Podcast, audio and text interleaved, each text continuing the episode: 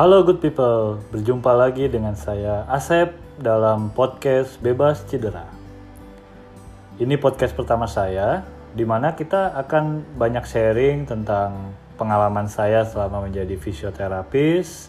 Kita juga bisa sharing beberapa hal mengenai penanganan cedera, pencegahan cedera, dan juga beberapa hal mengenai olahraga, sepak bola, basket, dan lain-lain. Untuk episode pertama ini, saya akan lebih membahas tentang bagaimana sih kita sebagai seorang fisioterapis meningkatkan value kita. Karena menurut saya value itu menjadi penting. Karena apa? Tujuan dari hidup kita itu menolong orang untuk bagaimana dia bisa meningkatkan gerak dan fungsi secara maksimal. Yang di mana kedua hal tadi itu akan berhubungan dengan apa value yang kita bisa berikan kepada mereka. Value yang pertama yang mesti seorang fisioterapis punya yaitu respect.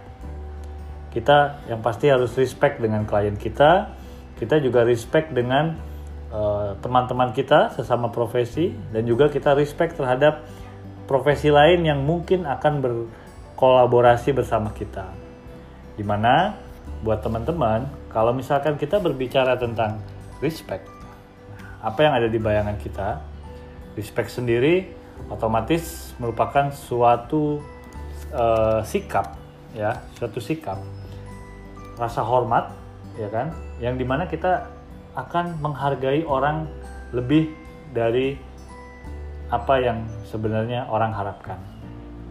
Dan juga rasa respect tadi kita harus tunjukkan kepada pasien, kita harus tunjukkan kepada teman-teman sejawat, kita tunjukkan kepada uh, semua orang bahkan yang bisa berpengaruh terhadap karir kita juga.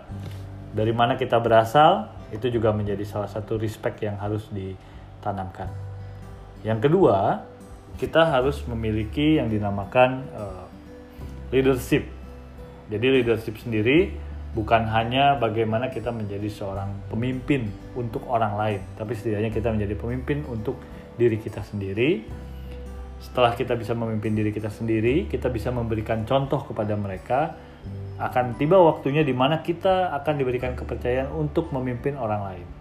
Saat kita memimpin, jangan lupa untuk kita tetap melakukan proses yang tadi awal yaitu respect.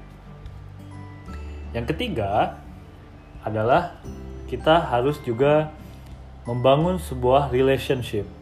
Relationship dalam artian relationship dengan pasien, relationship dengan teman sejawat, relationship juga dengan profesi lain yang bisa berkolaborasi. Kenapa? Karena dengan relationship yang baik, maka pekerjaan kita akan lebih dimudahkan dan juga akan timbul kepercayaan. Seperti misalkan kepercayaan dari pasien, bagaimana mereka bisa mempercayakan proses penanganan kesehatannya kepada kita, bagaimana mereka bisa meningkatkan kualitas hidupnya mereka melalui kita, dan kita bisa sebagai konsultan bagi mereka juga. Nah, buat teman-teman, ada satu lagi yang paling penting adalah never ending improvement. Jadi, kita harus berkomitmen untuk menyediakan standar yang tinggi untuk pelayanan terhadap pasien kita. Makanya kenapa buat teman-teman dicari dulu kenapa teman-teman bisa menjadi seorang fisioterapis. Kenapa teman-teman mungkin uh, berhubungan dengan profesinya masing-masing kenapa?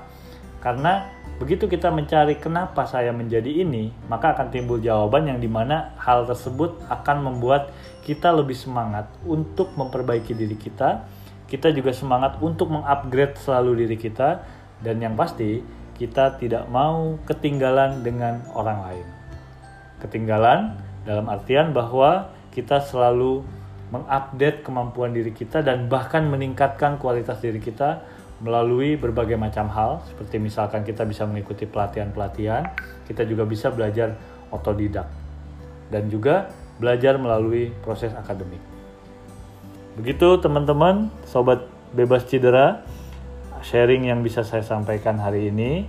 Semoga kita bisa banyak kembali sharing di podcast Bebas Cedera ini. Terima kasih.